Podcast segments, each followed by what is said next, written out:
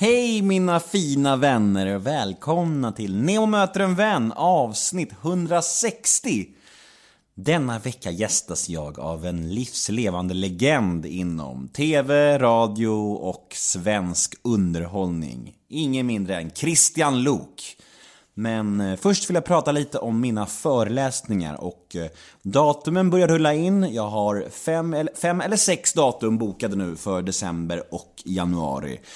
Och eh, ja, min föreläsning handlar ju om eh, det är en livshistoria helt enkelt. Jag pratar mycket om att växa upp i en dysfunktionell stor familj. Jag pratar mycket om hur det är att kastas in i ett snabbt kändisskap och riskerna med det och hur det var att vara med i Kungen av Tylösand och hur, hur, tiden efter och hur jag mådde och vad som hände med mig efter det. Och pratar mycket om bekräftelse, om osäkerhet och om sociala medier och vad det gör med oss. Och och missbruk såklart som jag sedan hamnade i och sen sedermera nykterheten och hur mitt liv ordnade upp sig sen.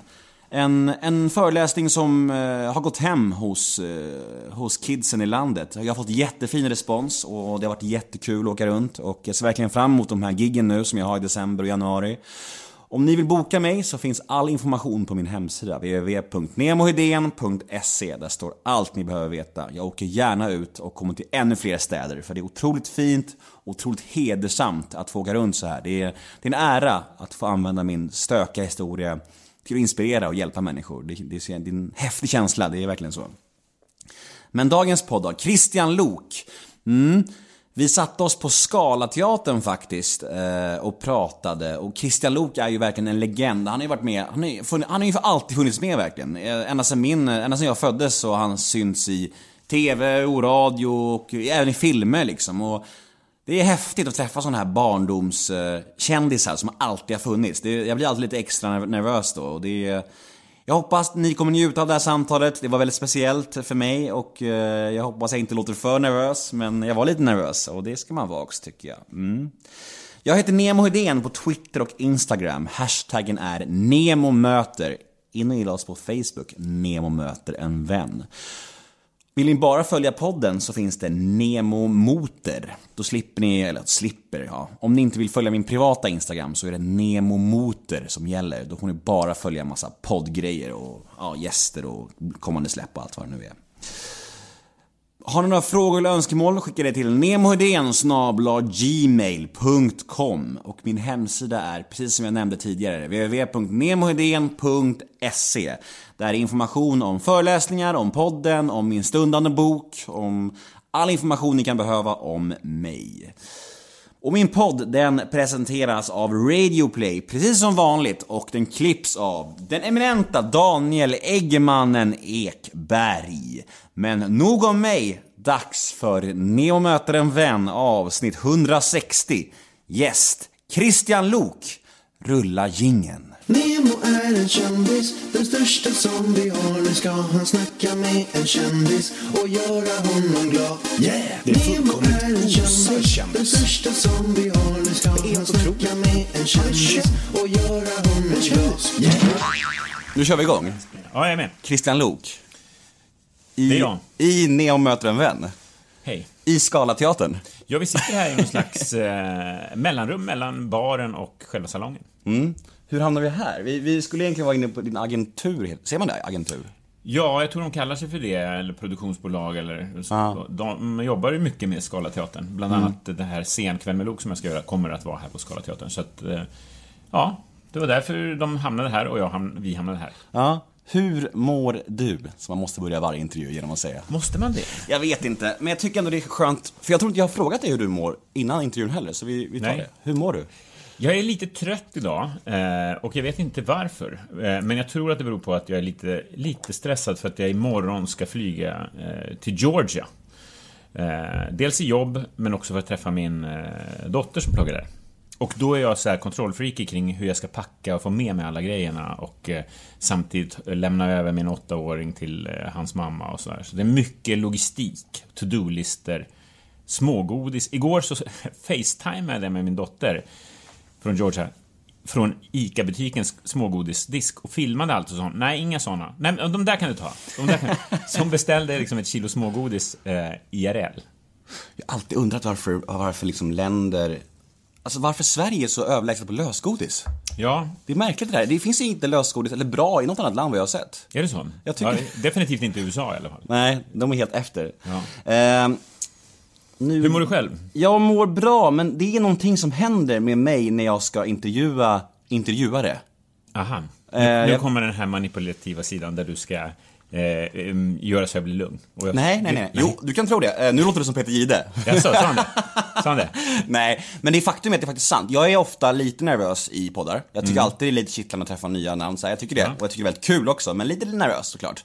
Men också blir det så att när jag, när jag intervjuar folk som intervjuar, som Peter Jihde då till exempel, eh, då blir det oftast så att de vänder på steken. Ja, jag vet. Motfrågor och så här. Mm, Och, Du och, fick ju en direkt här. Hur mår du? ja, exakt. Ja, jag vet. Jag är ganska... Det, det måste jag säga, det är ju mitt fel. Jag borde ju tagga ner.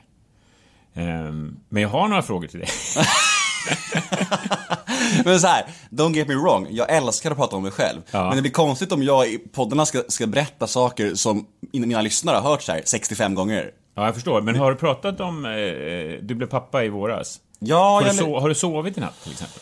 jag har sovit i natt för att jag och Frida då har delat upp det som så att jag, när jag har jobb som, är, som det här är för mig, Ja. eh, då, då, då får jag sova själv. Ja.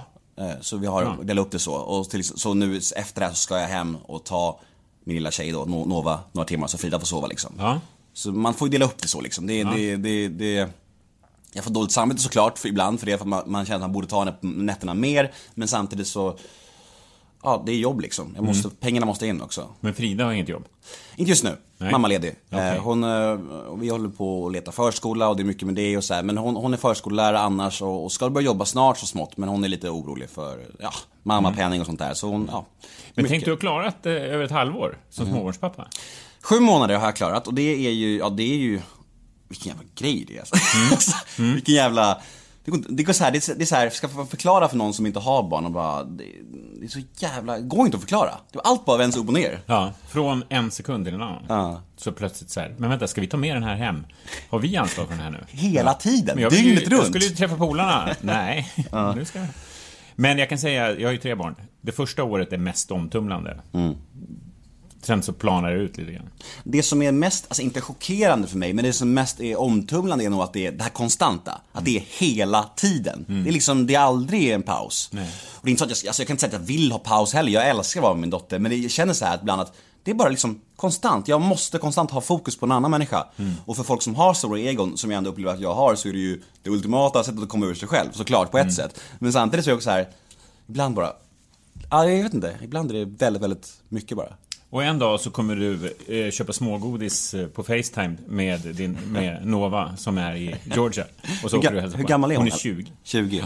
Vad är skillnaden mellan att bli pappa i, eh, ja, bli pappa nu och för 15 år sedan liksom?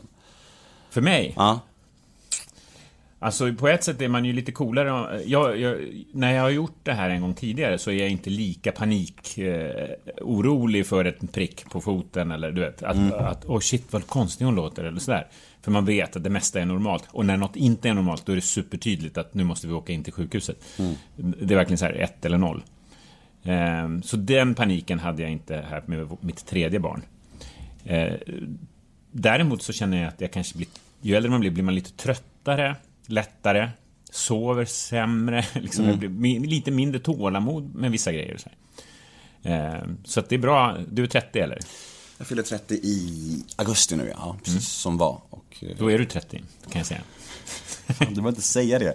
Det låter så... Åh, alltså- har du åldersnoja? Nej, nej det, har jag, det har jag verkligen inte. Jag, jag skulle ha åldersnoja om jag var kvar i mitt gamla kaosliv. Nu, nu är livet frid och fröjd. Men, men, men det låter så mycket 30. Det är, Jag vet att det är oförskämt att säga till någon som är äldre än 30.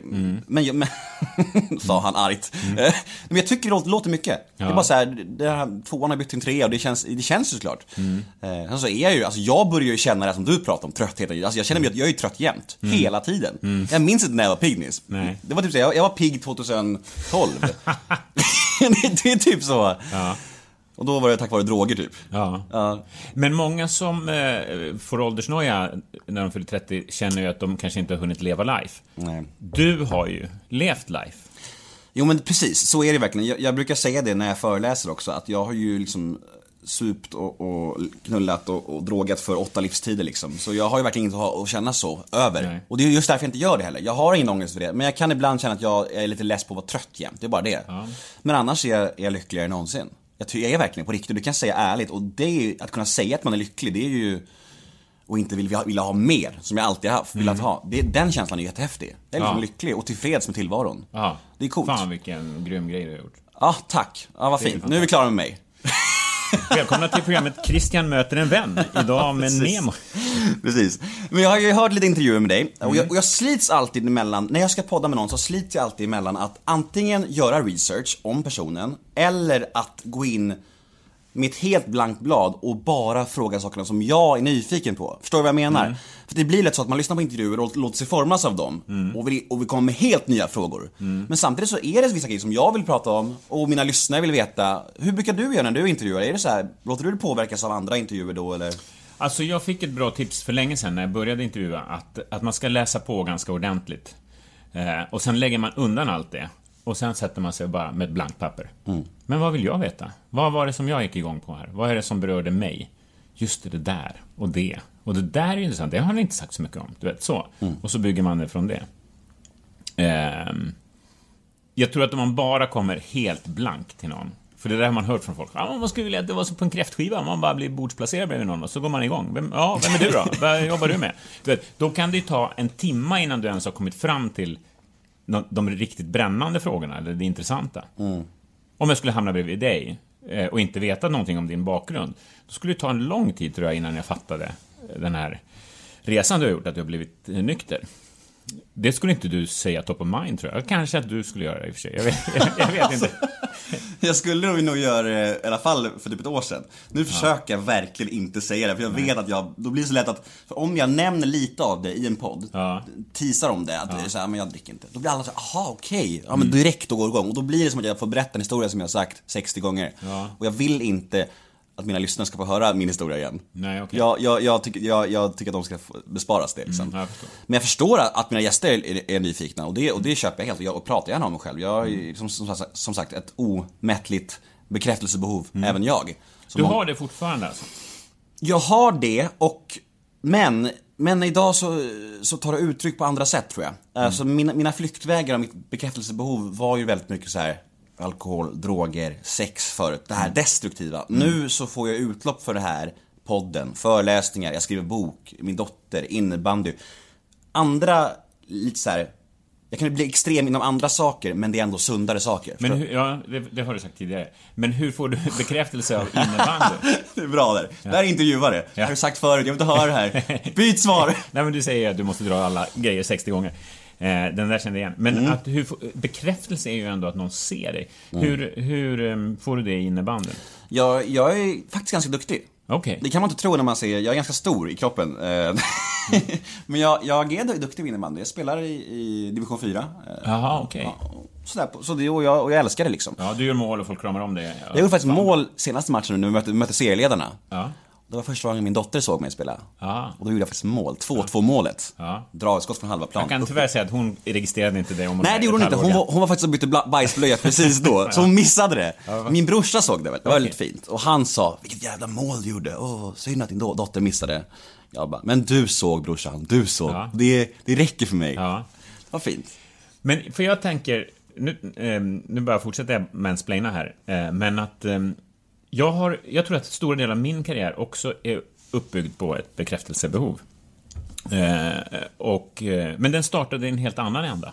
Eh, I att mina föräldrar hade, och min släkt framförallt, de äldre, hade ett krav på att jag skulle bli väldigt framgångsrik eh, på att eh, ja, bli civilingenjör eller läkare eller någonting. För vi, vi är vi är en invandrarsläkt allihopa och, och att det var viktigt att ta plats och göra rätt för sig. Och eh, då, då behövde jag, men hallå, kolla på mig, kolla vad bra, jag fick femma här på provet. Vi hade betyg 1 till 5. Eh, kolla, jag, jag var bäst i klassen, kolla på mig, du vet så här. Ja, och så var det ändå lite, ja, men här ser vi ändå att det var en fyra i kemi, varför blev det inte femma där? Du det sant? Ja, Var det så? Ja, så kan det vara. Exakt så. Eh, särskilt från de äldre. Eh, och då var det så här, ja, då måste bli ännu bättre. Liksom. Och eh, när jag sen valde bort det här akademiska fina och mitt första jobb, jag gick ju på Handelshögskolan i Stockholm, valde bort allt det och började busringa i, i Hassan. Jag vet inte om du är lite för ung för det kanske, men du har kanske hört efteråt. Jag har hört, hört, det sånt. Ja. Jag har flera skivor hemma. Ja, har du skivorna till och Jag med? har skivor hemma. Aha, mm. Det var ju alltså mitt första arbete. Och i min estniska släkt... Bra jobben då. Ja, jag vet. Jag fick på riktigt visa upp ett lönebesked eh, för farfar. Att, det här, att jag faktiskt fick betalt. Att det här var ett arbete. Så det var, och, där var jag och då skulle vi inte göra ett, ett bra radioprogram. Vi skulle göra det bästa radioprogrammet. Det, det, var- min. Se mig, bekräftelsebehov. Jag måste bli bekräftad att det här jag bra. Det är så intressant det där, för att, för att jag har alltid sagt så här, ja mitt bekräftelsebehov beror på att jag inte fick någon uppmärksamhet när jag var liten, vi var, vi var sex Mm. syskon och mina föräldrar kaosade. Det, det är ju den enkla förklaringen, kan man säga. Men du beskriver samtidigt att du hade så höga krav på dig hemma, att du fick det så istället. så det var satte två vägar nästan- av det. Ja, exakt. Det är nästan motsatsen. Ja, det är tvärtom egentligen. Ja. Du fick egentligen hade du bra förutsättningar, förstår du vad jag Ja, menar? Men ändå fokus. så var det så här, du måste klara också. Ja. Så vad ska man vara? Man måste mitt, mitt emellan där. Ja, jag har tänkt jättemycket på det mot mina egna barn. Hur jag ska lägga mig. För det är ju någonting i mig som när eh, någon kommer hem med betyg och som är superbra. Och så är det ändå på något sätt att ögat fastnar på det här som inte var lika bra. Och då måste jag verkligen knyta, eh, så här, bita mig i tungan för att inte säga någonting, utan bara Fan vad grymt, vilka bra betyg. Och för det är det ju. Ja. Verkligen. Fan, det där är svårt alltså. Jag har märkt det där hos mig själv, hur man liksom så här, man ser någonting så ska man, ska man bara vara tyst. Ja. När det kan vara någonting som man, någon säger något fel till exempel. Jag jag minns Frida då. Jag minns Frida. Ja, min dotters moder. Hon, hon, häromdagen så sa hon så här, men, eh, någonting om att hon visste inte att Barcelona var i Spanien. Och då ville jag bara så här, direkt, instinktivt vill jag bara så här garva åt det där. Ja. Och jag mär- märker att om jag garvar åt henne nu så kommer hon bli ledsen. Ja. Så jag bara såhär, gör inte, gör inte. Ja. Hon bara, vad är det med dig? Jag bara, nej, nej jag, jag, jag, går därifrån istället. För jag vill så gärna se, säga något syrligt liksom. Ja, ja. Jag vet inte varför jag måste det. Ja. Jag vet inte vad det också är. Det är också här, varför ska jag trycka ner henne? Är det för att höja upp mig själv? Är det, så mm, det för, för när jag väl gör det, då blir hon ju ledsen. ja, det är så. Så är det. Hon, Ja, hon, kan, bli, hon kan bli lite såhär, men varför måste jag göra sådär för? Jag vet att du kan mycket mer än mig och sånt där, men så här. Och det är så det är. Man är bra på olika saker liksom. Ja. Det är ingen idé, alltså, jag vet inte. När du, när du hör folk säga saker som inte stämmer, är du snabb då med att påpeka det eller är du cool? Nej, jag är inte, alltså, jag är inte särskilt allmänbildad eller smart. Jag ger ett mycket smartare och mer allmänbildat intryck än vad jag är. Jag är nog som vem som helst faktiskt.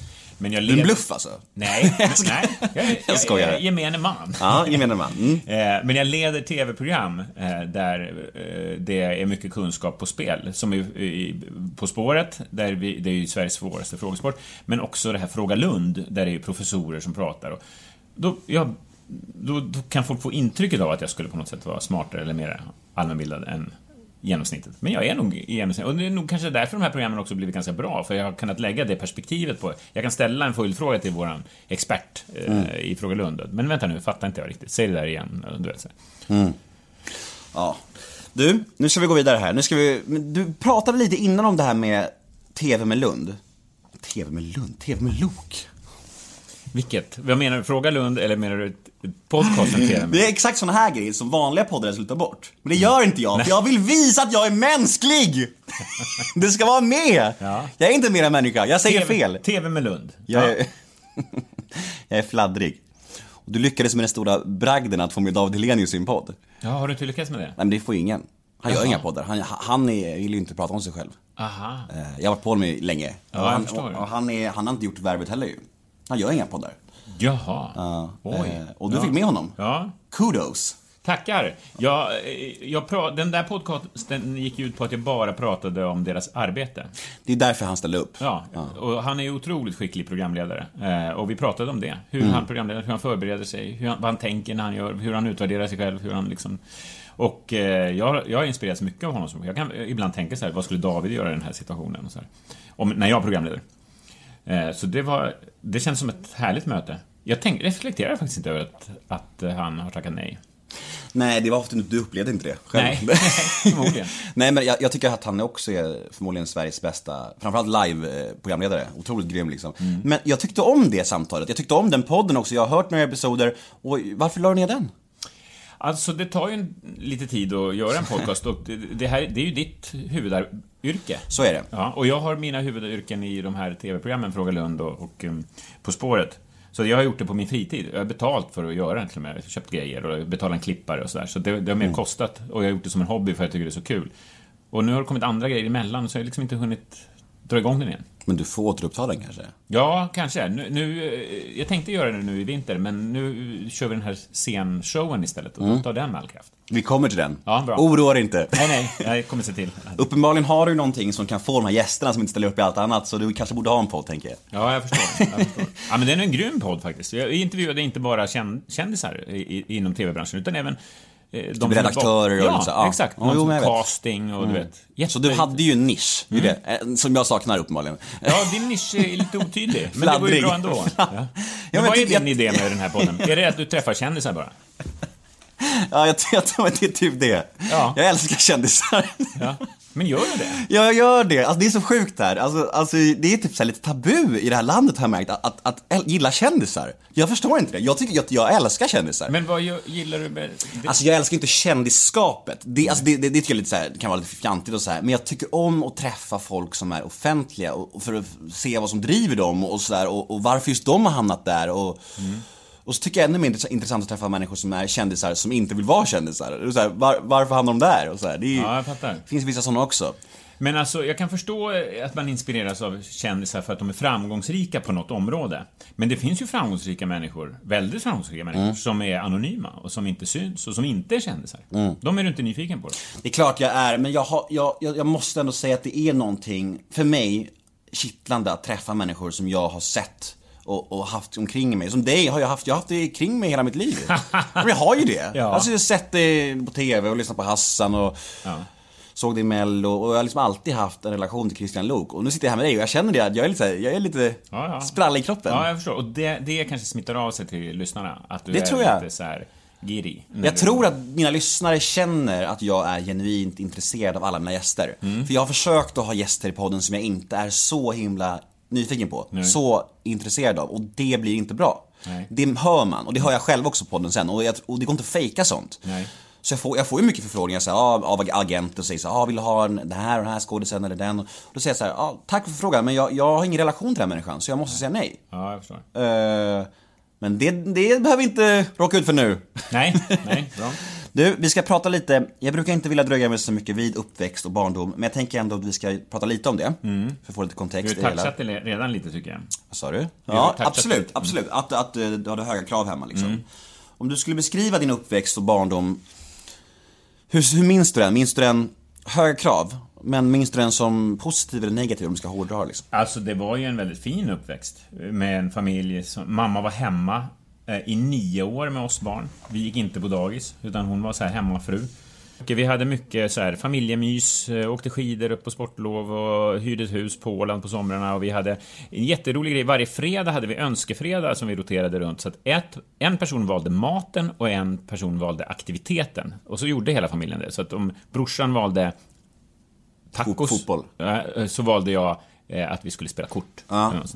Och nästa vecka var det pappa kanske som valde vad vi skulle äta och eh, brorsan valde aktivitet. Och så. Fan vad mysigt. Ja, det var mysigt. Eh, Då var man med och fick bestämma och så framförallt att alla fyra gjorde någonting. Det är inte så vanligt att, att familj... Men parallellt med det här då så var det ju också, ja, just det, och en väldigt stor sak i min uppväxt var att när jag var eh, 11 år, då flyttade vi till Kalifornien. För pappas jobb skickade honom dit, så att alla vi flyttade, så bodde vi där i tre år. Och eh, det eh, tror jag av, påverkade mitt liv väldigt mycket när det gäller mitt jobb och media och så här. För då, det här är 70-tal, då hade Sverige DDR, radio och TV, liksom, svartvitt och en kanal. Då kommer vi dit och det är 50 TV-kanaler och hundratals radiostationer och så här. Och, och där väcktes mitt intresse för wow, det här vill jag jobba med. Men vad var det för jobb som slet honom dit? Han jobbar på IBM, eh, IBM, som då var megastora inom datorvärlden. Han jobbade hela sitt liv på IBM faktiskt. Ehm, och eh, ja, då var det, det var en slags löneförmån-grej att man fick jobba utomlands på något IBM-kontor i någon annanstans. Så då åkte vi till Kalifornien. Men, och där var det en massa andra svenskar också som hade blivit, fått det här. Så vi hängde rätt mycket med de här IBM-svenskarna där borta. Och upplevde det ett fantastiskt eh, land som USA var då. För det var verkligen stor skillnad. Då kunde man inte surfa på nätet och se liksom mm, hur det var i andra länder. Utan Det var bara att komma in och oj vad varmt det var och härligt och här är det leksaksaffärer stora som eh, NK liksom och man spelar baseball och fotboll och, och allt var, och kolla vilka stora hamburgare, du vet, så allt var bara nytt. Och allt var så här 800 grams hamburgare, äter du upp den får du gratis. Det där klassiska som man har hört. Ja, typ. Och där låg jag och lyssnade väldigt mycket på radio framförallt. Det, är min, det var där mitt medieintresse började, radio. Alltså jag tänker på, när jag sitter här mitt emot dig, och, och jag tänker på det här med ögonkontakt. Mm. Vad, tycker, vad, ty, vad tänker du om det? Nu, nu, nu går vi ifrån lite här eh, mallen här, men jag tänker det är så intressant när jag har det här. Du har gjort många poddar och du intervjuar själv. Vad tycker du personligen om ögonkontakt? Om man ska ha ögonkontakt. Ja. Det är väl jätteviktigt. Eh, Har jag haft dålig ögonkontakt? Nej, verkligen inte. Nej. Men det, det är intressant för det är väldigt olika. Jag men, jag, jag, alltså, när jag intervjuar, vissa människor sitter eh, med ner i knät och kollar och pratar i mikrofonen men de, de kollar inte på mig. Nej. Och vissa människor är väldigt noga med att kolla i ögonen. Ja. Och, Du måste nog ändå kolla i ögonen som intervjuare. ja. Jag tror försöker jag. det. Ja. Eh, Men jag har alltid haft svårt att kolla ögonen. Jag blir lite så här, jag vet inte, det känns som att jag är så här, jag blir lite generad då. Jag vet inte vad det är, lite så här, lite spritt lite i kroppen. Hur kunde du ragga alla de där tjejerna om du inte tittade dem i ögonen? alltså, det, jag vet inte. Jag hade tur. Men men det är så visst kul. måste du titta dem i ögonen? Nej, nej, nej. Så de kunde drunkna i dina ögon? Nej, jag pratade bara, jag bara babblade. Snackade massa skit. Ja, och titta i taket. Ja, men precis. Vadå, kollade du på, på Kungen av Tylösand? Ja, det gjorde jag. Jag minns inte eh, vem av dem du var, men du måste ha varit huvudpersonen. Jag var han som låg med alla tjejer. Ja, det var du. Ja, ja, men då minns jag. Det kunde vara flera olika varje kväll och så här. Ja, jo. precis. Varför kollar du på det för?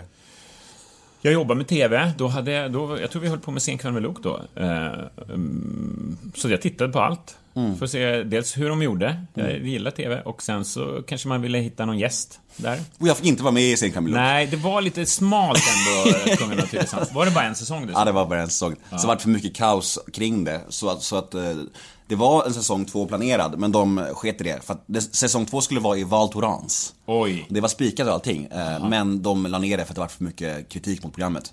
Att det var så här, vi var för hysteriskt liksom. Och kaos i produktionen och mycket sköttes ganska konstigt bakom, bakom kameran och så här. Aha. Så det, det blev inget med det. Var det TV3? Kanal 5 var det. Eh, Det var Lars Bäckung, eh, Kalle Schulman, Jonas Lagerström och, och ja, de där. Jaha. Det där gänget som låg bakom. Men det jag tänkte fråga dig när vi ändå pratar om det här med intervjuer, för du har gjort många av de här intervjupoddarna. Hur är de andra då, tänker jag? Eh, Triumf, kollar han i ögonen?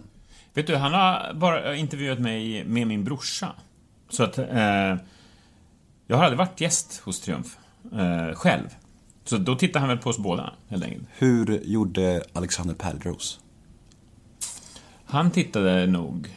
Han har lite samma entusiastiska style som du. Fladdrig? Nej, men så här, Ah, eh, ah. och positiv, liksom. Ehm, ja, jag har inte tänkt så mycket på det. Om du inte skulle titta mig i ögonen under hela intervjun, då skulle jag ju reagera på det. Då skulle jag ju tycka att det var konstigt. Mm, Du skulle säga ifrån tror jag, du känns som en sån. Kanske, men det beror ju på hur det initierar... Alltså, för att inte titta på någon när man pratar med den är ju ett visst... Dels är det lite härskarteknik, eller härskar... Ja, eh, men också eh, signalerar ointresse, tycker jag. Om man inte tittar på det. Så är det. Vi är vid din, eh, vi är i USA, Kalifornien. Din brorsa, har ni alltid varit eh, tajta? Hela, hela livet eller? eller? Vi gjorde en föreställning om det, till och med. I know, jag såg inte den, så du kan kanske återge den? Ja, hela, hela. Den, den hette Bröderna Lok, får man göra slut med sitt syskon? Och den tog sitt avstamp i att eh, jag skrev ett brev till min brorsa för fem år sedan kanske, där jag sa att jag vet inte om jag längre orkar träffa dig. Jag blir så ledsen varje gång vi ses. Eh, och fick världens finaste svar av honom. Det var, men herregud, det här var det sorgligaste jag läst. Vi måste ses nu, du vet. Eh, och sen började vi prata och eh, pratade och pratade och pratade och bråkade och grät och liksom hela... Och parallellt med det här så hade jag bett honom, rent så här professionellt, att kanske skriva ett manus till mig. Jag tycker att han är en av Sveriges roligaste manusförfattare. Han har jobbat med Killinggänget. Gjort Ugglas show och Dennis show och så. Eh, om han kunde skriva ett manus till mig som jag kunde göra på en scen. Och när vi höll på med det arbetet så kom vi fram till att, men vänta nu, här, vi har ju ämnet framför näsan på oss. Eh, syskonskap och bråk och hålla kontakt med sina syskon. Och så, här. så föreställningen heter Får man göra slut med sitt syskon? Och han skrev in sig själv då också, så vi stod båda på scen och gjorde, och gick igenom vår grej. Från gullig uppväxt till kaos till att bli vänner igen. Hur eh, naket var det? Var det grejer som ni inte tog med eller var det liksom rakt upp och ner, så här har det varit? Det var ganska naket. Det var en av bror, ett av brorsans krav. Vi, måste, vi kan inte ljuga om något. Utan Så det där brevet är med. Mm. Vi visar det. Ehm, ja, och vi berättar, vi säger ganska elaka saker till varandra på scen. Mm. Eh, men allting mynnar ju ut i att vi nu är vänner. Och eh, det är vår historia, men det ska förhoppningsvis, precis som dina föredrag, eh, inspirera andra att kika på sina, sina liv och sina eh, relationer. Och jag säger inte att alla ska bli kompisar med sina syskon, för det, ibland går det inte. Man, man har bara, det går inte. Eh, men eh, ibland kan det vara ett samtal bort bara. Så, Fan att ni, har ni filmat det? ja, för, bara för eget bruk. Ja, vad tråkigt. Nu, jag, jag, visste, jag, hade, jag hade koll på att den hade gjorts, men jag hade inte koll på liksom att den var så här, den här handlingen. Det låter ju Har skitspännande. du kontakt med dina syskon? Bättre än någonsin, men jag kan säga att det var flera av dem som, som eh, tog avstånd under de stökigaste åren liksom. Ja. Att de inte orkade. De, de sa att det var liksom som en eh, tornado som bara stormade fram och förstörde allt sin väg och de kunde inte göra någonting liksom. Så det var, för, det var för plågsamt att ha någonting med att göra då. Det kan man förstå lite. Ja, det, absolut. Eh, Det var som min lillasyrra sa till mig, när jag hade varit nykter och drogfri ett år så sa hon så här. Det känns som att min storebror har återuppstått från de döda. Ja. Ja, men det är också så här, och då blev det så här, "Uff, Okej, är det så det liksom så här? Då fick jag ett så här perspektiv på hur illa det har varit egentligen. Eh, Så idag har vår, vår familj en bättre relation än någonsin, men det har varit Och din pappa är du ju närmare, förstår Ja, jag. jo, men precis. Han har ju varit clean i nästan tio år nu. Aha. Så det är jättefint att vi kan så här, ta igen förlorad tid. Jag tror jag sa det i Malou-intervjun också, de orden. Och det känns som det. Att vi kan vara far och son för första gången någonsin. För det har alltid varit någon av oss som har varit väck. Ja. Under barndomen var han väck och sen var jag väck i flera år. Ja. Och nu är vi båda cleana och kan liksom så här, ta igen. Tänk att sånt där skit går i arv, Ja, faktiskt. det är så. Det är, och det är lätt, väldigt lätt att, att skylla på sina föräldrar också har jag märkt. Jag har hållit på med det hela tiden. Bara så, ja, men det är klart att jag skulle bli en fuck Mina föräldrar var ju så snurriga. Men att skylla på sina föräldrar, det är ju så här. Visst, det kanske är en förklaring, men det är ju ingen ursäkt. Nej. Vart fan tar det mig någonstans? Att bara skylla på sina föräldrar. Det är, det är, det är, jag står gärna och stampar i min skit liksom. Och de har ju haft sin uppväxt. Exakt. Och de gjorde garanterat så gott som de kunde, alltså som föräldrar. De, de har aldrig velat mig något illa. Nej. De var ju olyckliga och ledsna och hade problem med sina grejer, absolut. De gjorde så gott de kunde, det är klart de gjorde. Det gör vi ju alla, hela tiden. Även om vi ibland inte förmår bättre än vad vi gör. Och inga andra paralleller, paralleller men med, eh, så säger jag om mina föräldrar och mina släktingar nu också. De gjorde så gott de kunde. De ville ju att jag skulle bli läkare eller civilingenjör. Det var bara gott tänkt från deras sida liksom. Eh, att det skulle vara bra för mig, att de hjälpte mig i det. Men istället så var, blev det jobbit för mig. Men när du får, när nu är det väldigt, känner att vi hoppar fram och tillbaka, men det får bli så idag. Jag känner att Ja. det ändå är lite härligt också, att det inte blir klassiskt enligt mallen. Eh, du, du sa att när du, ditt första jobb var Hassan. Ja, jag hade lite småjobb emellan. Eller, Om jag ska vara riktigt ärlig så var jag också eh, under ett år redaktör för en gymnasietidning eh, efter Handelshögskoleperiod. Där vi skrev om lite olika popmusik och filmer och, jag intervjuade då bland annat Henrik Schyffert. Det var så jag träffade honom. Och det var han som tog med mig in i Hassan. Så att det sanning med viss, viss modifikation. svårintervjuad Henrik Schyffert ändå tycker jag. För att han, han, han är inte så att han är, han är knepig, men han är så otroligt proffsig och slipad. Att det går liksom inte, hur man än frågar honom så tror man att man har fått svar på sin fråga. Men det har man inte, för han har bara sagt något, vad som helst. Han är som en politiker tycker jag intervjuar. Jaha. Han är så du- du har haft proffsig. honom här? Ja, jag har haft honom här. Eh, Och det var, jag tyckte det var bra efter, men sen så lyfte jag och lyssnade på det och bara, det var ju ingenting som jag fick ut som jag ville ha ut. Jaha. Så han, han, det var lite samma, samma sak som att intervjua liksom så här, Thomas Mattsson eller Håkan Juholt. Mhm. Så här, Att de är också... Nej, men de, de, de svarar på ett sätt som man tror att man har fått svar på frågan, men det har man inte fått egentligen. Men det Nej. låter som att man har fått det. Men då ska, jag ska inte lägga mig i riktigt, men då ska du ju helst i framtiden höra det i stunden och säga, Mm. men vänta nu, nu svarar du inte på frågan. Och sen be honom upp, för då kommer ju ofta det sanna svaret. Jag tror att jag hade gjort det idag. Ja, Det här var ändå, eh, alla de här intervjuerna var drygt ett år sedan. Ja. Jag tror att jag är så pass varm i kläderna att jag hade gjort det idag. Ja. Vi får se om jag gör det på dig då kanske. för det handlar ju mycket om, om man ska intervjua, om man ska bli bra på att intervjua, så handlar det nog bara om att göra det väldigt många gånger. Mm. Då blir man bättre, och, och, och ha en vilja förstås att bli bättre. Och det här som du själv har berättat om också, att du är mycket bättre på att lyssna nu än för ett år sedan. Som nu sitter du helt tyst. Så, och det, då gör ju det att jag börjar ju prata. Ja. Det, det är väldigt enkelt. Det är ju det, vanligaste. Äldsta knepet Äldsta knepet. Det kör ju triumf. Och det är, och det är effektivt. Det är ju alltså att bara ställa en fråga och sen vara knäpptyst. Då tvingar man ju sina gäster att prata och det går ju hem liksom. Men jag, min... Jag, jag tänker att jag vill inte göra som alla andra heller. Nej. Jag vill ha en egen stil. och jag tänker att min- min taktik är mer att bara prata och, Mm. och vara väldigt öppen. Och sen så om mina gäster känner sig trygga i det, då öppnar de sig ofta. Mm. Det är faktiskt så det är. Och det låter också simpelt kanske, men det har funkat hittills. Mm. Eh, Men med dig kommer det inte funka, som nu vet du mina knep. Så det, så Ja, men jag är dålig på att bli intervjuad. Du har rätt i det. Jag gör mitt bästa. Vi Ja, gör båda jag- vårt bästa just nu. Det är det enda vi kan i livet, du vet. Vi är, eh, vi hoppar friskt fram och tillbaka. Vi är i din skol... Vi är i USA. Ja. Du åker hem från USA. Vad händer? Då kommer jag till högstadiet i, i Täby. Eh, V- Vem är du i skolan? Vad, vad, vad har- tar du för position liksom? Vad tror du? Jag tror att du... Ja, du har sagt att du, att du pluggar hårt. Ja. Eh, och att du kanske är den rollen du tar. Att du kanske... liksom- Jag, jag kan inte se dig som, som en clown eller pajas eller som, som de flesta kändisar jag intervjuar är Nej. i skolan. Det kan jag inte se dig som. Jag tror att du bara är li- lite blyg. Ja, men det kan nog stämma. Jag, var, jag pluggade mycket, hängde mycket med liksom nördarna, eh, helt enkelt. Jag var en nörd själv. Eh, men jag var... Jag vet att jag liksom ändå har haft... När vi bodde i USA så eh, där delade de ut pris för massa olika grejer och då blev jag most humorous i min klass. Men jag undrar än idag om de röstade fram mig för att jag var, pratade konstigt eh, och hade träskor. Liksom. Men, men eh, jag har försökt vara lite rolig ändå. Jag, och det lossnade på gymnasiet sen, men när vi kom hem på, från USA och jag var 14-15 och jag började på högstadiet, det var vidrig tid just för att eh, ja, det är det för de flesta tror jag. Man är sökande, jag kom i en ny skola, hamnar hamnade med de som var, blev över lite grann. ehm, som var schyssta och tog hand om mig ändå, men liksom inte, jag hade ingen identitet riktigt i det där.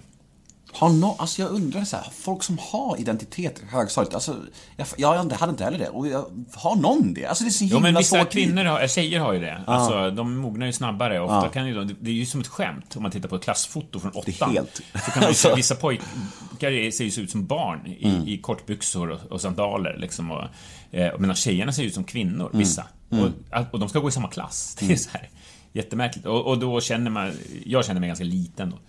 Så min, jag började, jag är en late bloomer kan man säga. Mitt liv började efter jag var kanske 25 eller något sånt där. Det är jävligt late. Ja, det är late. När kom du målbrottet? Ja, men så var jag väl, där tror jag var normal med allting. Alltså, Jag, jag, jag var late där. Jag, tror, jag, jag var sist i min klass. Jaha. I nian kom, Oh. kom jag mål- målbrottet. Det Ja, var det hemskt. Ja. Jag kommer ihåg att jag var här, i omklädningsrummet så var det fett jobbigt för att alla var så himla...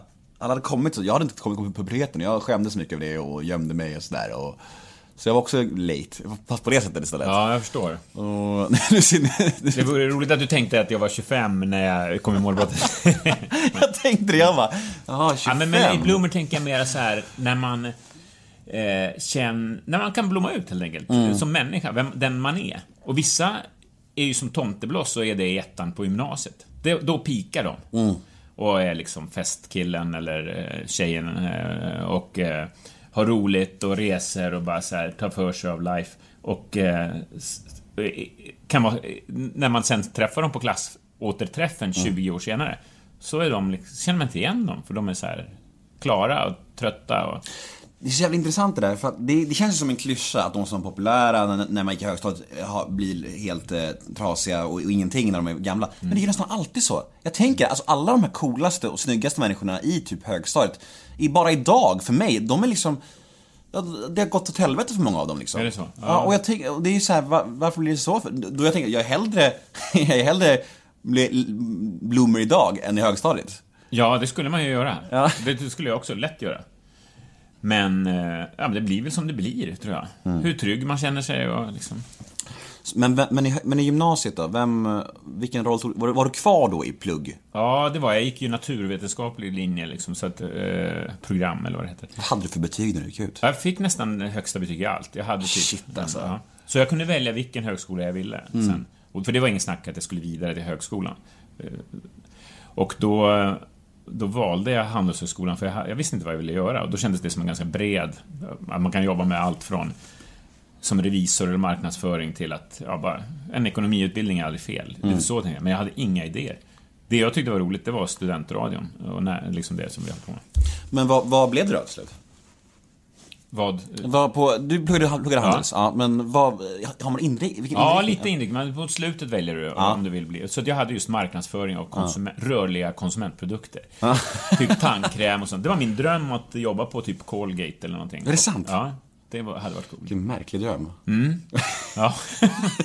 Jag ska, jobba, jag ska jobba med tandkräm. ja, men så här, ja, nu kör vi en annonskampanj för den här nya fluorgrejen. och vet. Och hur många år är det här? Hur många år är det från du eh, tar examen på Handels tills du är med Hassan? Hur många år är det här mellan? Eh, Ja, det är ju formalia när man väl är helt klar. Så här, mitt sista tenta gjorde jag kanske när jag redan hade börjat jobba lite. Men ehm, jag, jag, jag gick ut Handelshögskolan, jag sa till mig själv att jag, jag, jag sätter Handelshögskolegrejen på hold ett år och så ser jag om jag kan hitta ett mediajobb. Och ganska snabbt blev jag redaktör för den här gymnasietidningen. Och det ledde till Schyffert, till Hassan och alla vi som gjorde Hassan fick egna TV-program. Eh, det var en sån tid då på något sätt. Och sen har det liksom bara rullat på. Fan vad lättare det var förr att få tv-program.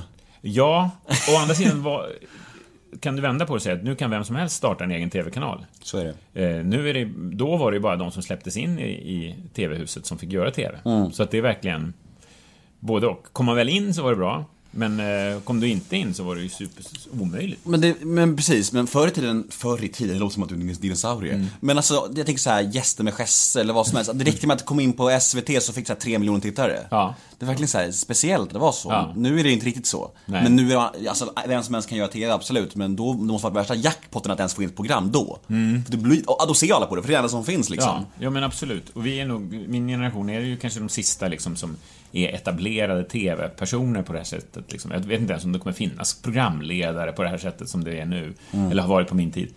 Eh, när allt sprids ut och, och du har fler och fler kanaler. Med visserligen då färre tittare på varje kanal.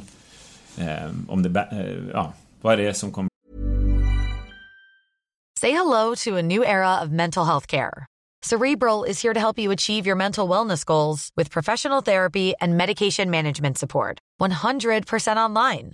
You'll experience the all new Cerebral Way, an innovative approach to mental wellness designed around you. You'll get a personalized treatment plan from a therapist, prescriber, or both in a safe and judgment free space. Your Cerebral therapist or prescriber will outline a customized plan with clear milestones along the way so you can get to feeling your best. With Cerebral, you're not alone in your mental health journey.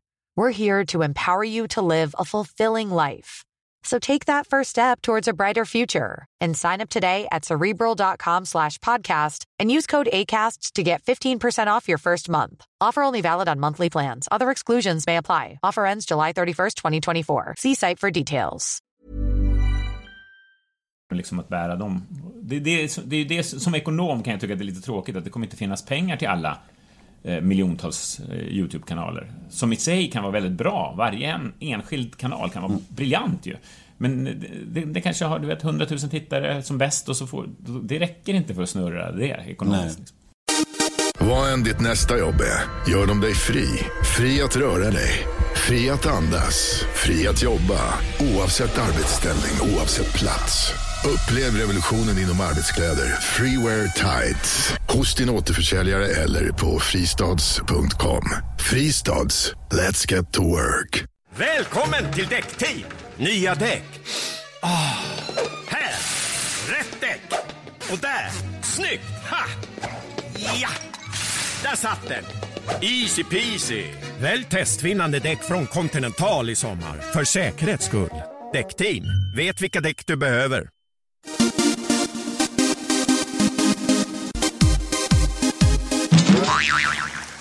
Känner du att du har en eh, evig tacksamhetsskuld till Schyffert? Jag brukar påminna honom lite om det och han brukar påminna mig om det lite grann. Men han, han var absolut en viktig person för mig i och med att han trodde på mig. Jag var ju en civilekonomkille som tog med mig in i...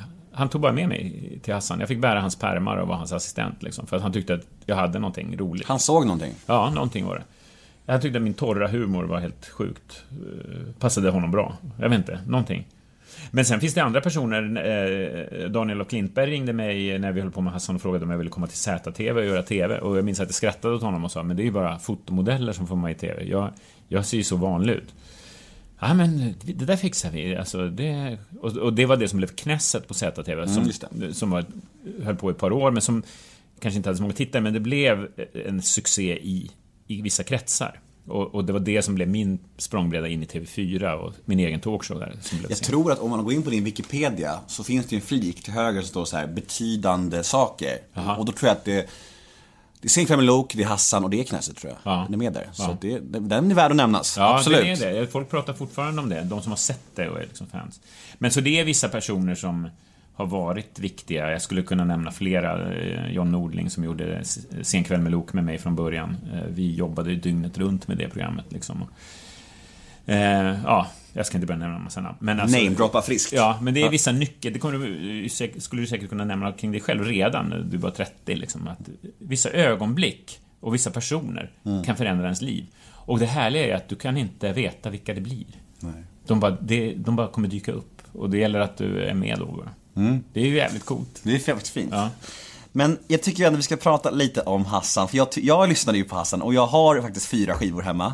På riktigt, det är helt sant. Fyra fysiska skivor har jag. trevligt. Ja, volym, upp, ända upp till volym fyra. Ja. Ehm, hade ni så kul som man kan tro att ni hade?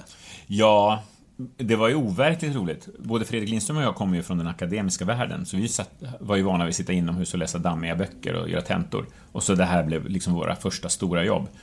Så vi bara hade blast. Och, och bara det här att skratta åt varandras idéer och bus- Det var ju också ett sätt att testa om någonting skulle funka även för den breda allmänheten. Så om båda skrattade, då visste vi det här kommer funka. Liksom. Eh, det var sjukt roligt. Sen har vi ju kastat, jag tror vi gjorde 3000 busringningar var eller något sånt där. Men man har ju kastat väldigt mycket. Det var faktiskt en av frågorna också. Alltså hur, hur, hur procentuellt, hur mycket stekte ni? Alltså varje idé behövde kanske fem försök innan den satt. Åh jävlar. Ja. Mycket ringningar blev det. Ja, men ofta eh, fallerar de, liksom misslyckades de bara för att nej, han är inte här eller vi har inte Bella shampoo eller du vet, något sånt. Så då fick man ringa till något annat ställe. Eh, så om varje sån räknas som en ringning, då behövdes det kanske fem innan det satt. Och ibland kunde man, man, man ringer till Statoil och har någon sån här eh, snott en dubbel dime och vill erkänna det eller vad det är. Så kanske den första personen är ganska rolig, så ringer man en till och den blir jätterolig. Okej, så ni, ni väntade på den, roligaste effekten? Ja, ibland. ofta, ja, ofta hör man ju. Kunde, man, kunde det vara så att folk tog illa upp på riktigt liksom? Och att ni kunde liksom få nästan be om ursäkt efter? så? Ja, i och med att vi ringde så mycket och så många olika samtal. Ofta var det de man inte förväntade sig som skulle bli ar- arga, som blev arga. Alltså någon ganska oskyldig idé. Medan andra grova grejer. Vi ringde ju motorcykelklubben, Sofia Hoggs och bara shit. Nu, för vi var tvungna att ringa tillbaka sen och säga att det var på bus och att lyssna på radion nu. Fan, de kanske kommer hit, du vet. Så här, de var bara, ja ah, det där var kul. Vad sa du, på söndag? Då lyssnar vi. Ja, du vet så. Eh, Medan andra saker som man har varit eh, bara oskyldiga, där har de så här skickat advokater på oss. Är det sant? Vilka, nej du kan inte säga vem antar jag, men det var, du får säga efter. Ja, men vi gjorde en grej med McDonalds. Eh, det, och då ringde deras advokater direkt upp till. SVT. Vad var, vad var busringen? Ingenting konstigt alls. Jag tror att det var så här. Eh, det var en dålig idé. Att jag, hej, jag heter Big. Och jag skulle vilja ha, ni har använt mitt namn i... det är skitroligt! ja, eller hur? I Big Hur Mac. fan kan de bli sura av det? Alltså fy fan. Eller hur? Eller hur? Det där får ni absolut inte sända. Du vet, advokaterna ringer upp till Sveriges Radio och vi bara, ja, whatever, vi skiter i det. Vi, eller vi, då sänder vi det inte förstås. Hade det funkat, alltså ni, någon gång säger ni 10 000 tyska bögar vet jag. Och så, hade, hade, är det många grejer som inte hade funkat idag? Ja, det tycker jag. Det är ju lite grabbigt, gubbigt. Det är ju... Eh, kanske inte en helt... Vi, ja. Vissa ord funkar inte längre. Ja. Så är det ju tyvärr. Med, med saker som... När tiden går. Men vad är din inställning själv till det då? Alltså jag, jag tycker att utvecklingen i samhället är ju positiv såklart, men det här med humor och skämt, tycker du att det kan vara lite, för, jag tänkte använda ordet bajsnödigt, men, men att, att det blir svårt att göra humor, alltså ju, ju, ju mer, längre fram vi kommer i utve- utvecklingen i samhället? Ja. Det är ingenting jag känner. Jag ser ju inte mig själv som en komiker i första hand heller. Jag ser mig som programledare. Men ehm, jag, jag, har inte, jag tycker inte att det är svårare att göra humor. Och jag kan inte peka på grejer från Hassan-tiden som det där var ett rejält övertramp. Det skulle man aldrig göra nu. Eh, Det finns inget sånt jag kommer ihåg. Men själva tidsandan andades ju på något sätt att det var Verkligen. grabbigare. Men, men har du några favoriter? Alltså om du ska peka ut, har du en, kan göra en topp tre-lista av de bästa Hassan? Ja, jag gillar de där när vi snärjer in eh, personen i andra ändan i att den måste börja del... Den börjar känna ansvar liksom och ta över. Vi hade en, jag brukar nämna den här, men jag, kan nämna den igen. Hökarängens blommor. Fredrik Lindström ringer och ska beställa en blombukett åt någon kollega som ska sluta. Och han hinner inte mer än dra, berätta det här för blomsterhandeln. Liksom. när han säger Vänta, förlåt, jag måste sticka. Min kollega Rolf tar över. Och då tar jag över. Ja, hallå? Kom, ihåg det. Ja, och då, ja, det gällde blommor. Jaha, vad trevligt. Vad är det för blommor? Ja, det är ju Rolf ska ju sluta. Va? Ska Rolf sluta? Och då plötsligt är hon den som måste förklara för mig eh, allt det här och, och bära ansvaret. Det, li, det påminner lite om den här pizzeriorna som ni ställer emot varandra. Ja, Det är också väldigt, lite likt, men det är också väldigt kul. det är ju en av de som folk kommer ihåg mest.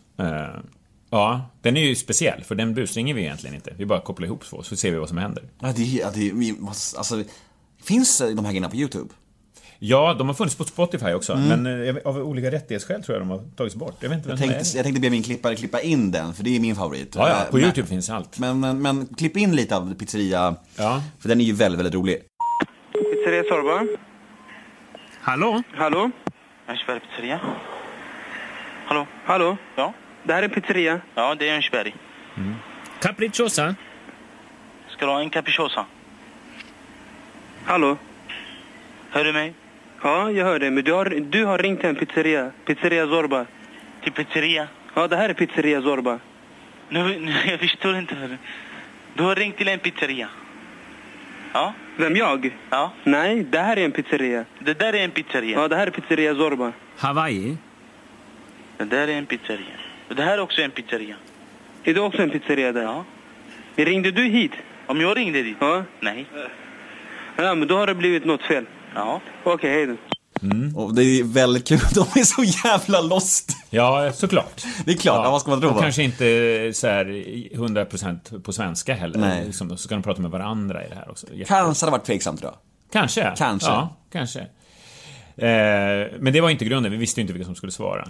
Eh, en annan busring som eh, är rolig och som ledde till massa var ju att jag förbeställde en taxi till eh, ett bankrån. Jag ringer till taxi och, och säger taxin ska stå, jag har lite instruktioner till föraren. Stå igång Bengt. Exakt. Precis. Håll bilen varm. Jag kommer ut springande med en säck. Också så här dumt. Sen är det 15.03, gasen i botten mot Värtahamnen. Där väntar en annan bil. Eh, Och när vi ringde tillbaka till henne för att få godkänt och säga att det var... Då satt hon och pratade med polisen i andra luren. Liksom. Så att... eh, Det var ofta så. Alltså det kunde bli så, här, så allvarligt av det. Nej, det var ju sällan det var allvarliga grejer. Men... Eh, ett gång, en, eh, de gånger vi simulerade rån, vi gjorde det några gånger. Märkligt, då var det allvar. Det var märkligt. Då ringde de polisen. Fattar ingenting. Ja. Men, men när, ni, när ni spånade, satt ni då i, i grupp eller gjorde ni det individuellt? Eh, det vanligaste var under de merparten av tiden, för Schyffert slutade ju efter någon månad redan. Det var då jag tog in Han drog in dig och sen slutade Ja, han. typ så. Och det, och det var ju min tur, för då fick jag bli programledare och Mm. hitta min pärmbärare. Och det blev Fredrik Lindström. Och han kom eh, med massa idéer varje måndag morgon. Och då var mitt jobb mer att sålla bland de idéerna och Mm. vrida och vända lite på dem och så. Och, och kanske inspireras till en tredje idé av, av hans idéer.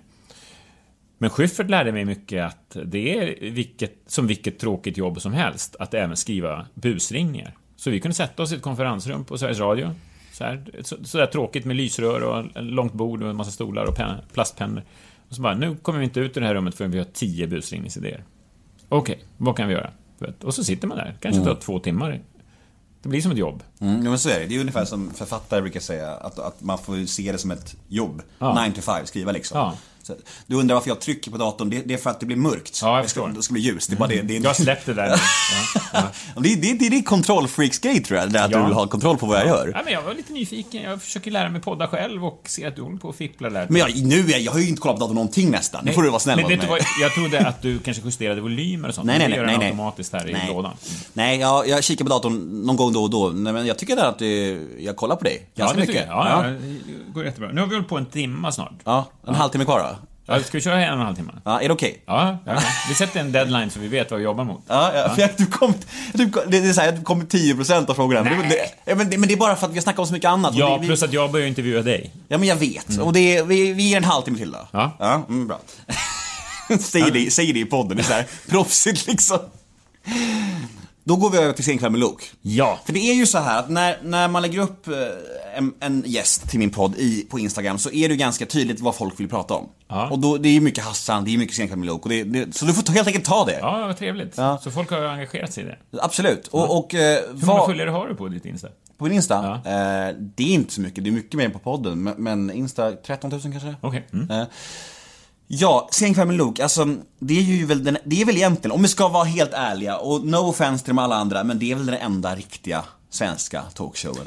Jag skulle vilja nämna Adam Alsings talkshow som gick ungefär eh, ett par år före och ett par år efter. Alltså han höll på väldigt länge. Kanske inte efter, men för, han, han banade vägen lite grann för... Mm.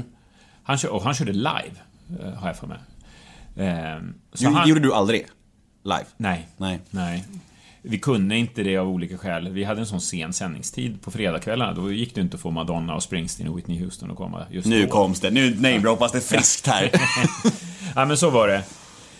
Eh, så att vi bandade på onsdagar. Ungefär som Skavlan. Han bandade någon dag innan och så klipper man det eh, under natten. Men Skavlan flänger väl runt? Här spelar vi in i London, i Stockholm, i Oslo och allting va? Exakt.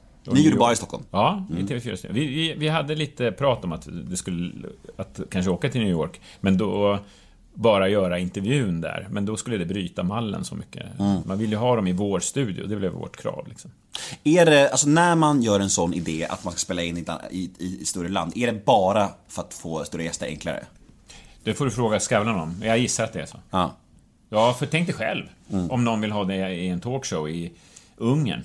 Eller om de lägger inspelningen här. Då talar ju mer för att du cyklar över här. Ja, jo men såklart. Man är ju ändå nyfiken. Du har ju säkert fått de här frågorna förr, men, men i Senkväll med Luke, vilka gäster sticker ut som de knepigaste, jobbigaste? Mhm. Alltså tyvärr måste jag säga kanske okänd, lite så här svenska gäster som, som eh, håller på att bli stora. Eh, lite, de kunde ofta vara krångliga och diviga och ha massa krav och så här. Medan stora amerikanska stjärnor ofta var så professionella, de var så vana vid det här. De kanske var lite osköna med sitt team bakom kulisserna, men när de väl kom in i studion... var det bara, ja, de bara leverera, Ja. smile, stories, liksom. De visste precis hur det här... Nu är ju svenska gäster vana vid att se hur man gör talkshows sen 10-15 år tillbaka. Så att eh, nu, nu är det ju lättare. Nu har folk lärt sig. Ja, men du, du vet, att bjuda in en äldre svensk gubbe till Luke, det blev sällan bra. För de var ju vana vid en helt annan typ utav underhållning. Alltså det finns en intervju med Håkan Hellström från Senkväll med Luke. Eh, Då är han på väg uppåt. Mm. Ja. Alltså, jag tror efter hans första skiva tror jag. Ja.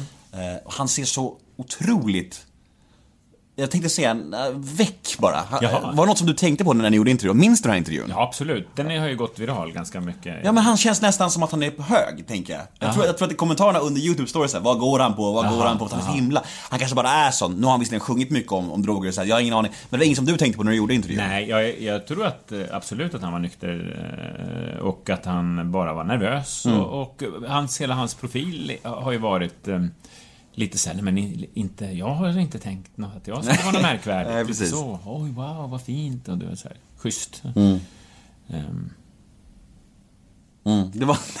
That's that. Ja. Annars då, i Låg, vilka, vilka, sticker ut annars genom åren? Vilka skulle du säga, hur, var, hur var typ så här, alltså Janet Jackson och Madonna som du nämner, liksom, eh, hur var de privat? Fick, fick, du någon stund med dem privat eller var det bara på scenen ni sågs? Ja, i princip var det bara på scen. Vissa av de där artisterna hade jag inte ens hunnit hälsa på innan i logen för de kom så sent, så programmet höll redan på att spelas in när de anlände. Right.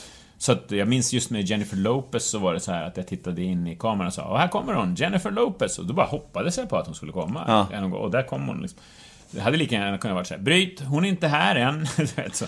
Men shit vad mycket ansvar som läggs på dig ändå som intervjuare när du liksom inte ens har fått hälsa på dem innan. Det är Nej. helt nytt. Ja. Alltså det, det, det, jag tycker det säger en del om dig som intervjuare. Nu, nu låter det som att jag är ett rövslick här, men kudos. Alltså, det är inte helt lätt, tänker jag.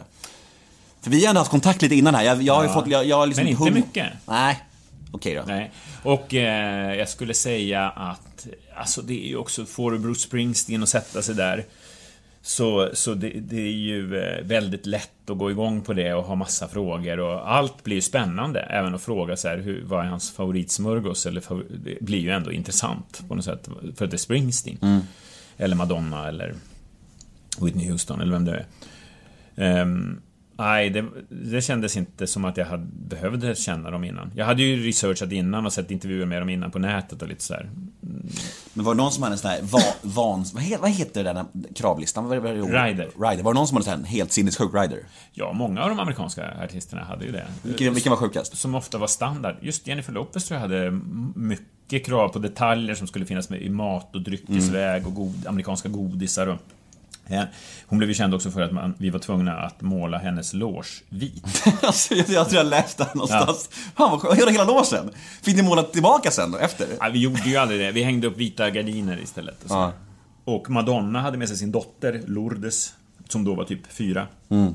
Och då ville hon ha ett lekrum för henne.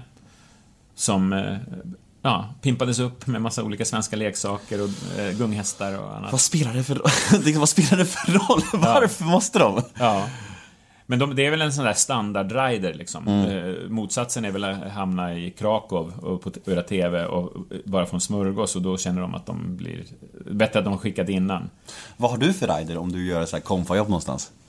Jag är väldigt modest. Jag brukar be om lite vatten på scenen, eh, faktiskt. Och ska måla hela rummet Ja. rosa. Eller hur? Eller hur? Och bara Chardonnay. Nej, nej, jag brukar inte ha någon rider faktiskt. Jag är inte, det, det kan ju vara om man ska jobba lite länge, om man ska vara en hel dag och leda någon konferens. Mm. Då kanske jag behöver ett rum där jag kan ha dag, wifi och lite sånt. Gör du mycket företagsjobb? Nej, jag gör så mycket TV så att jag hinner egentligen inte. Men jag tycker det är bland det roligaste, att få göra de här företagsjobben. Alltså, det kan vara till exempel att det är någon något företag som ska höst-kick-off, eh, SAS eller någonting. Konfa-jobb, Ja, eller? då Ja. intervjuar jag VDn och eh, kör lite, eh, marknadsdirektören får berätta och intervjuar liksom och vi tittar på olika filmer, kanske gjort en film där jag är ute och intervjuar personal och lite så här. Det är otroligt roligt för man lär sig ju känna en helt ny bransch och ett nytt företag på ett sätt. Och sen så är det väl bäst pengar av allt också, eller hur? Ja, ja, det är helt sjukt. Eh, Kan du inte nämna något, något hysteriskt bra betalt jobb för någon vansinnig grej? Nej, jag, jag tror att jag bara går på... Jag vet faktiskt inte vad... Det är ju agenturen som förhandlar det där. Men alltså... Man får ju lätt en månadslön för en dag. En dags arbete. Det är ganska, ganska schysst. Ja, det är schysst.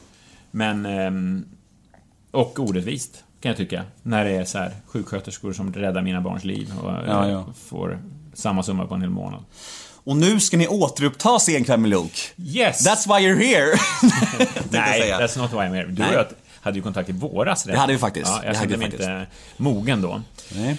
Men eh, precis, vi ska göra Sen kväll med Lok på Scalateatern i Stockholm som en scenföreställning bara för de 500 eller vad det är som sitter i salongen. Ingen Mm. TV-inspelning. Så det som händer där och då är bara då. Det är som ett event liksom. Två gäster, två kända, väldigt kända personer.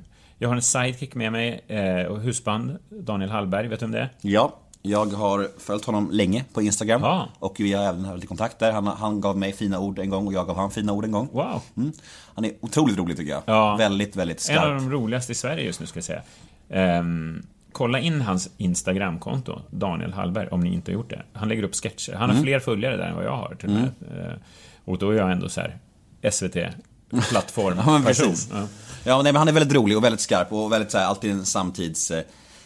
Ja, vad, vad säger man? En, eh, alltid koll på samtiden, roliga små satiriska klipp. Ja. Och också lite det här underdog. Ja, men hej, ja, här är jag. Lite så här snäll och eh, gullig. Eh, Ja, han är grym.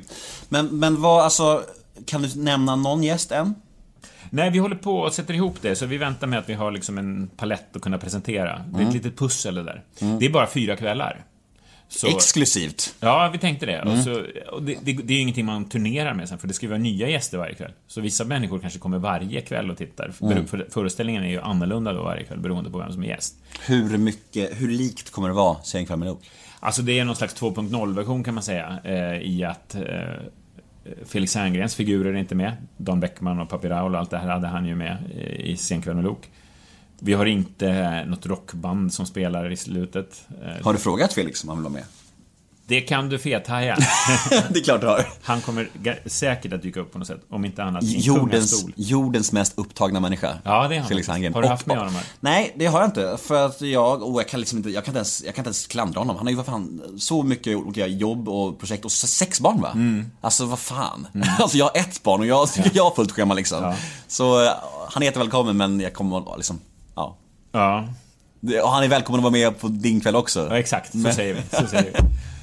Eh, nej men så det är Daniel Hallberg istället som gör de eh, humorbitsen och eh, han är, Daniel är också väldigt musikalisk så han eh, kommer säkert... Eh, han gör ju väldigt roliga artistparodier som också ligger ute på hans... Lorentz. Ja, Lorentz. är Fantastiskt alltså. Sjukt kul. Nischad imi, eh, parodi, eller imitation Verkligen. göra Lorentz. Och han, är bra på Håkan Hellström också. Ja, exakt. Så att det, det kommer säkert dyka upp några sådana grejer. Eh, ja, och överraskningar. Vi tänker att eh, vad som helst kan hända. Så, Ja. ser, jag satt, den som en smäck. Eller hur? Mm. Ja. Nej men vad fan, biljetter finns. Vart? På kalo.se, K-A-H-L-O, det är den agenturen där vi sitter på. Kalo.se. In och köp biljetter och eh, häng på. Jag kommer komma dit och Christian är där och Daniel är där och kanske Felix Herngren. Exakt. Det var, vi Och På spåret drar igång. När drar igång? Fredag den 8 december. Mm. Så jag vet inte när du lägger ut det här. Nej, det, det får du bestämma. Ja, men vi lägger, vilken dag, vilka dagar lägger du ut? Måndagar. Ja, men då lägger vi ut måndag den tredje då, eller vad det? Måndag Eh, innan premiären. Ja, men det är kul. Så, ja, ja, Så då tar vi om det här, då säger du, och På spåret har premiär på fredag. Ja, precis. Vi tar igen där. På spåret. Premiär på fredag. Jag vet. Fantastiskt! Vilken timing det här var. den här podden. helt sjukt. Ja. Helt sjukt. Vår, Fredrik som är nionde sång, det är 30 år sedan På spåret började. Mm. Så det är verkligen en långkörare i SVT. Som har gått lite upp och ner. Det var ju ett av de få programmen som hela Sverige tittade på på 80, början av 90-talet. Sen i konkurrens så dök lite siffror och- sen nu på sistone har det gått upp igen. Tack vare er, får man väl säga då. Ja, men också tidsandan lite grann. Jag tror folk gillar att samlas kring några program fortfarande eftersom det finns, som vi pratade om nyss, tusen kanaler att välja mellan. Så är vissa grejer är kul att samlas kring. Sociala medier spelar in till vår fördel nu också. Att folk sitter och har sina egna chatt-tävlingar. Alltså du sitter och tävlar mot dina kompisar.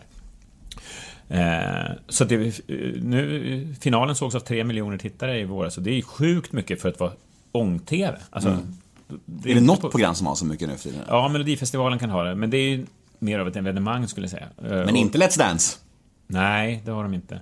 Och inte heller eh, fotbollsmatcher och sådär kommer upp i det. Nej, det är någonting verkligen fantastiskt kul att eh, så många svenskar vill engagera, eller så många vill engagera sig i På spåret och titta på det. När sänds, live. Det, är, nej, det är vår heliga stund och ingen får ringa och jag tävlar med mormor och du vet så här. Man minns ju själv sådana program från, från barndomen, program som man samlades vid hela familjen. Mm. Hur fina de stunderna var. Vår familj var i Red- Red- Rederiet. Aha. Det var liksom torsdagskvällar klockan åtta, det var verkligen så här heligt. Ja. Och vi hade en rörig familj, men vi samlades ändå alltid där.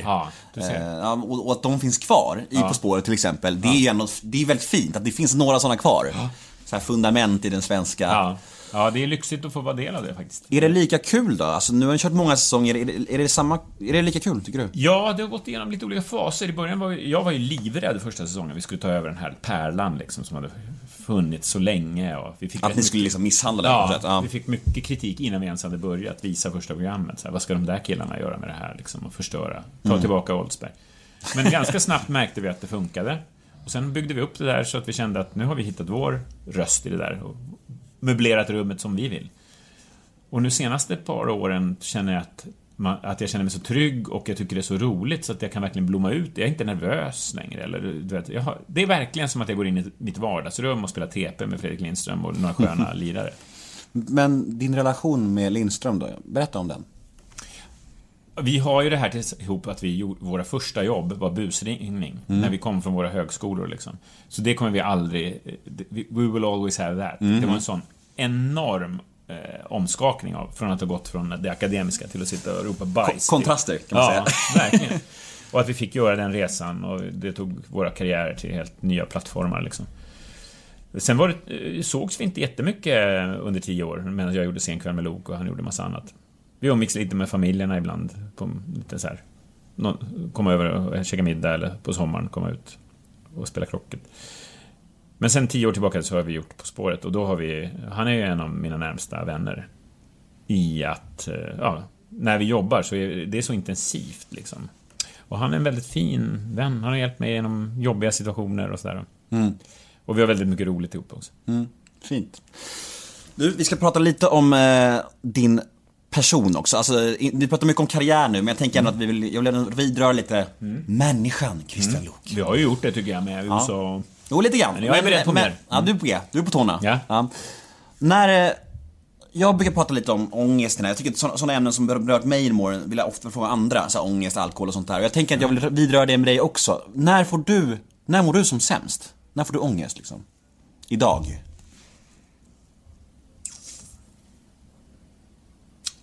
Ja...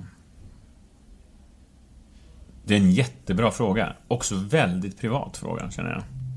Ja, du behöver inte svara Eh, ja, eh, jag kan... Eh, ja, jag känner att det, där, det kommer toucha lite så här skilsmässan och, och sånt. Och då, det vill inte jag prata om. Nej. Eh, för det beror på så många andra människor också. Eh, men om jag tänker utanför det...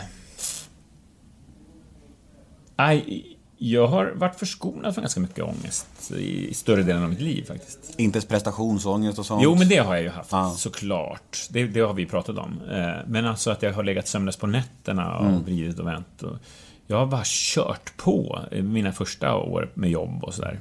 Tills jag blev kanske 40 eller någonting. Mm. Ehm, Och så, så jag hade inte tid att stanna upp, tror jag, av ångesten. Nej. Nej, men...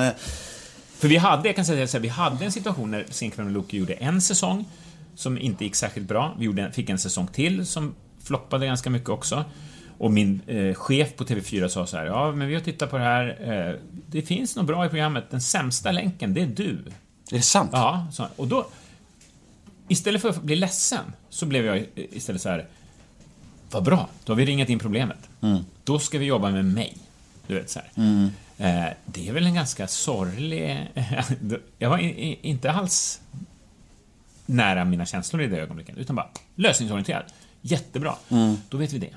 Då ska Ja, men det, där, där tror jag vi markerar skillnaden mellan dig och mig. Jag hade ju blivit knäckt där. Ja. Jätteledsen. Och du har ändå har någon slags grund självkänsla kanske, så du ändå liksom inte blir knäckt på samma sätt. Du menar såhär, nu löser vi det här på sätt. Ja, det blir ju det här lite eh, som jag fått hemifrån. Nu ska vi få högsta betyg. Mm, det är bara att köra. Det är bara att öva lite mer. Vad har du för relation till alkohol? Eh, jag tror att den är okej. Det dricks ganska mycket i vår eh, bransch. Det firas alltid efter någon sändning, eller det fi- alltså det, och det gör man ju inte på vanliga jobb, om man sitter på bank. Fan, vi fick in den där kunden en onsdag. Då går man inte In med- Nej, shotstryck.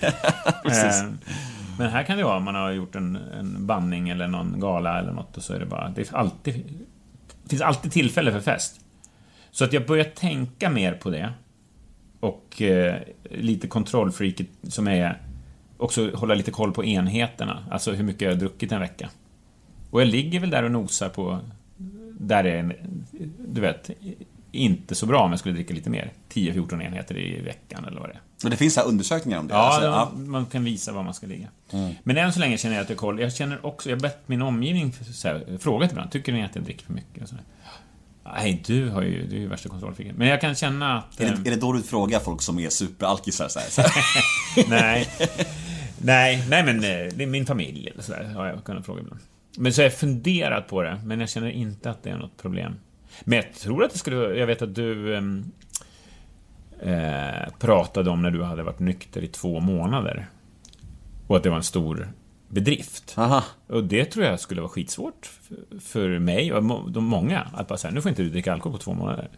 Det, det behöver man nog inte vara al- alkoholberoende av för att tycka är jobbigt. För det är så invävt i vår kultur. Så är det. Och, och jag tror att första månaderna för mig så kändes det verkligen, jag får inte dricka. Nej. Och det, det var det, då, då, då tänkte jag så här, jag får inte dricka. Nej. Och jag kan inte dricka. Nu tänker jag inte så. Nu tänker jag så här, att jag slipper det. För för mig var det så. Jag slipper alkohol och droger. Men för början var det så här, jag får inte, jag kan inte. Nej. Nu är det, jag slipper det. För så förknippat med mörker var det för mig liksom.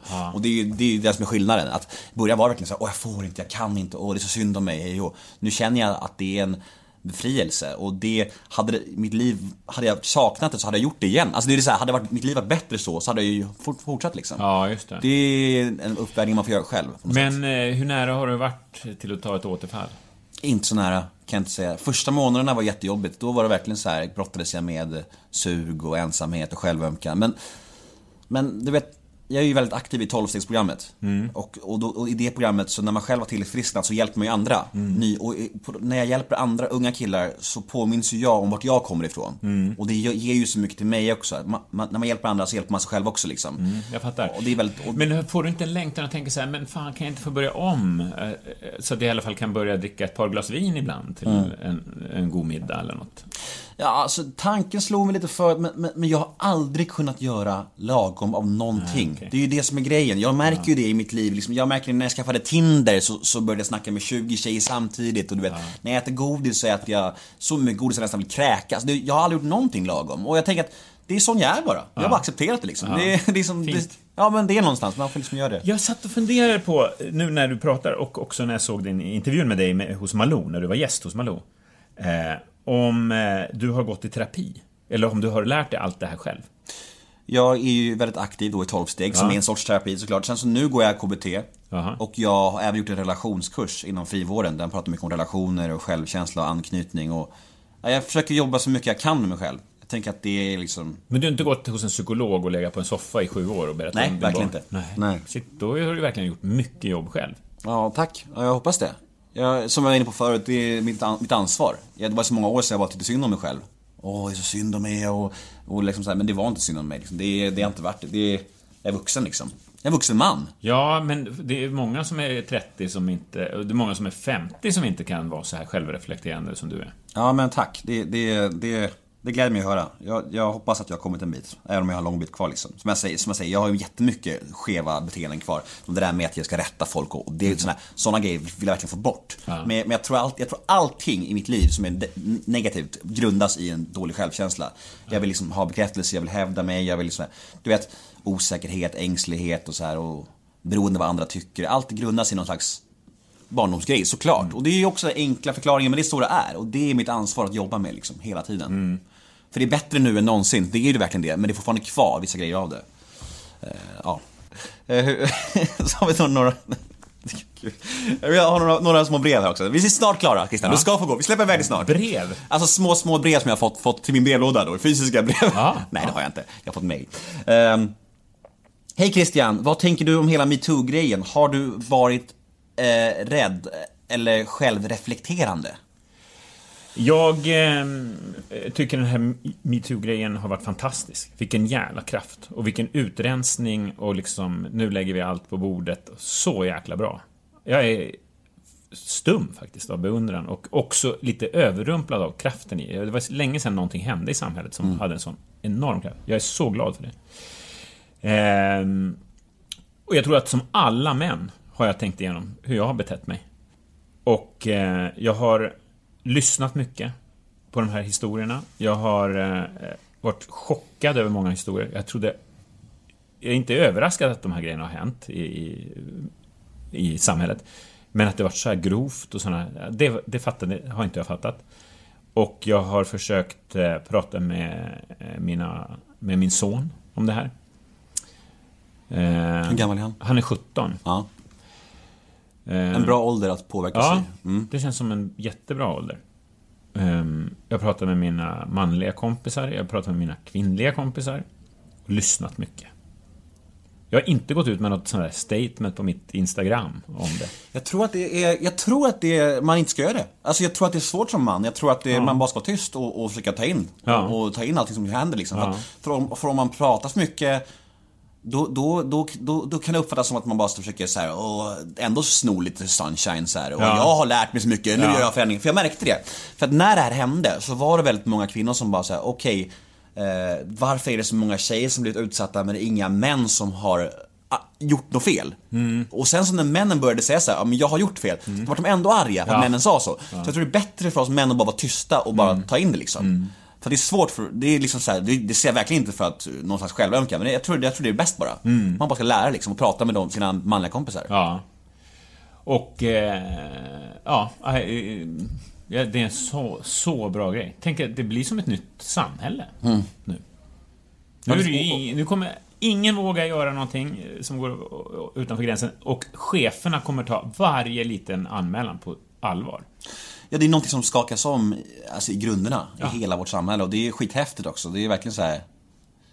Det, det är som att det, det är nästan, folkets dom blir nästan hårdare än, än lagens dom också. Verkligen. det, och det är också så här, hur ska det påverka vårt rättssystem framöver? Mm. Alltså att liksom att det är ju det är ju bra såklart att, att, att, för, att, för att ingen kommer komma undan, men samtidigt så kommer det betyda att folk kan bli liksom stämplade som kanske oskyldiga. Det är så här, det är jättespännande att se vart det ska gå någonstans. Men det är också mycket som, hur ska det gå? Tänker jag också. Det kommer hitta en fin balans, tror jag, på sikt. Som det mesta. Mm. Vi måste, vi måste tro det i alla fall. Ja, Ja. Det, kommer, ja men det, gör mesta det. brukar ju bli det. Man Ja, hittar det. en nivå, liksom. Nummer två, det är faktiskt inget brev, det här var en liten kärleksförklaring. Eh, Min sambo arbetade tidigare med kundtjänst som innebar en del kontakt med kända människor. Christian Lok var en av de absolut trevligaste kändisarna hon har pratat med. Det får du gärna nämna under eller efter podden. Oj, vad trevligt. Ja, vad fint. Vad var det för kundtjänst undrar man? Ja, det står inte. Nej. Men det var ändå fint. Tack! Ja. Så där gör en glad fortfarande, fastän man är 51. Ja, ja men jag tänker det. Alltså så här eh, feedback och kärlek och från lyssnare, så här, det, det, det måste vara lika fint fortfarande, eller? Ja. ja, absolut. Men man kanske inte lägger lika mycket vikt vid eh, de elaka och inte lika mycket... Alltså, då vet man också att de eh, positiva kan man inte heller lägga lika mycket vikt vid. För att allt är ändå... Alltså det, om det är tre miljoner som tittar på På spåret så är det tre miljoner åsikter. Alla kan inte tycka likadant. Så är det. Och det där måste vi alla bekräftelse-junkies ta till oss. Ja. Det är okej att inte vara älskad av alla. Ja, min psykolog sa det faktiskt när jag gick i terapi för många år sedan. Att eh, Christian, du som offentlig person, när du går in och sätter dig på ett fik eller någonting så kommer några tycka att det är spännande att du är där, om känner igen dig, och några kommer tycka, bli arg, irriterade på att du är där. Så är det. Du, du kan aldrig göra alla glada. Men det är ganska skönt om man landar i det. Ja. I den, insikten. För då, då är det bara så, ja men då är det som det är liksom. Ja. Hej Christian, jag tycker du är så vansinnigt charmig. Är du singel? Hur är du som pojkvän? det här har du hittat på själv. Nej, jag lovar. Ja. Jag, jag kan vidarebefordra det till dig. Ja, ja, ja, tack. Ja. Eh, jag vet inte hur jag är som pojkvän. Jag är ganska eh, inkännande och eh, liksom närvarande, tror jag. Ehm, ja, Mm. och påhittig. Som en liten Ja, spelevink. annons. Ja. Eh, Hej Christian, har du någonsin varit avundsjuk på din bror Martin att han är med i Killinggänget?